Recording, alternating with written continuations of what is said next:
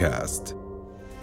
موجز الأخبار من رؤيا بودكاست. أكد الملك عبد الله الثاني ضرورة الإسراع في زيادة إنماء قطاع ريادة الأعمال في الأردن ضمن جهود تنفيذ رؤية التحديث الاقتصادي. وفي حديثه أمام ممثلي شركات تمويلية ومشروعات ناشئة صغيرة ومتوسطة. اليوم وجه الملك الحكومة إلى التركيز على بدايات توليد وتطوير الأفكار الخلاقة والواعدة من خلال برامج الدعم المختلفة والحاضنات والمشاغل. كما أكد الملك ضرورة تسهيل عمل صناديق التمويل والشركات الريادية وتمكين الأردن من التنافس على المستوى العالمي.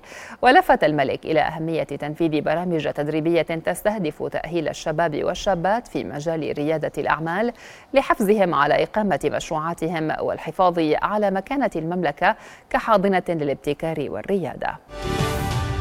من جهته أكد رئيس الوزراء بشر الخصاوني أن قطاع ريادة الأعمال في الأردن يصنف رابعا على مستوى الإقليم لافتا إلى وجود نحو 17 مؤسسة تمويلية للمشاريع الريادية وأكثر من 40 حاضنة ومسرعة أعمال في المملكة. وزير الاقتصاد الرقمي والريادة أحمد الهناندي تحدث بدوره عن محطات خطة تنفيذية تشمل 22 مشروعا والتعاقد مع سبع جهات لتدريب خريجي الجامعات. هذا وتضاعف حجم الاستثمار في الشركات الناشئة ست مرات من 20 مليون دينار عام 2020 إلى 120 مليون دينار في العام التالي حسب ما أكد هناندي ويحتضن الأردن 200 شركة ناشئة وأربعة عشر صندوقا تمويليا خصصت مجتمعة أو خصصت 110 ملايين دولار لغايات الاستثمار. دعوة المجتمع الدولي لاتخاذ موقف فوري ضد إجراءات الاحتلال الأحادية وتحريضه ضد الفلسطينيين هذا ما حمله وزير الخارجية وشؤون المغتربين أيمن الصفدي في لقائه ببروكسل اليوم مع الممثل الأعلى لشؤون الخارجية والسياسة الأمنية في الاتحاد الأوروبي جوزيف بوريل.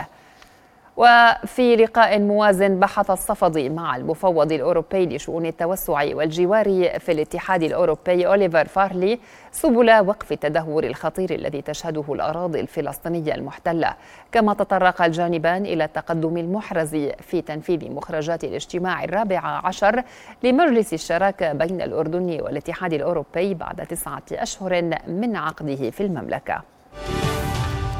أقر مجلس النواب اليوم نظامه الداخلي المعدل ومدونة السلوك الخاصة به لسنة 2023 وكانت اللجنة القانونية قد وافقت على التعديلات المقترحة للنظام الداخلي ومدونة السلوك وفق ستة مبادئ تتمثل بنكران الذات والنزاهة والموضوعية والشفافية والوضوح والمساءلة والخصال القيادية.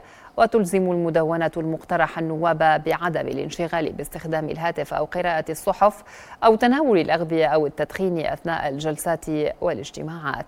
وفيما يتصل بوسائل الإعلام تضمنت المدونة ضرورة احترام النائب لرسالة الإعلام باعتباره رديفا رقابيا لمجلس النواب.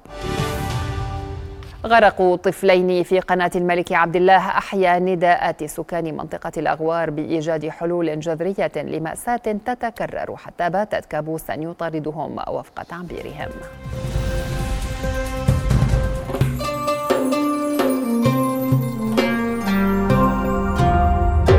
رؤيا بودكاست.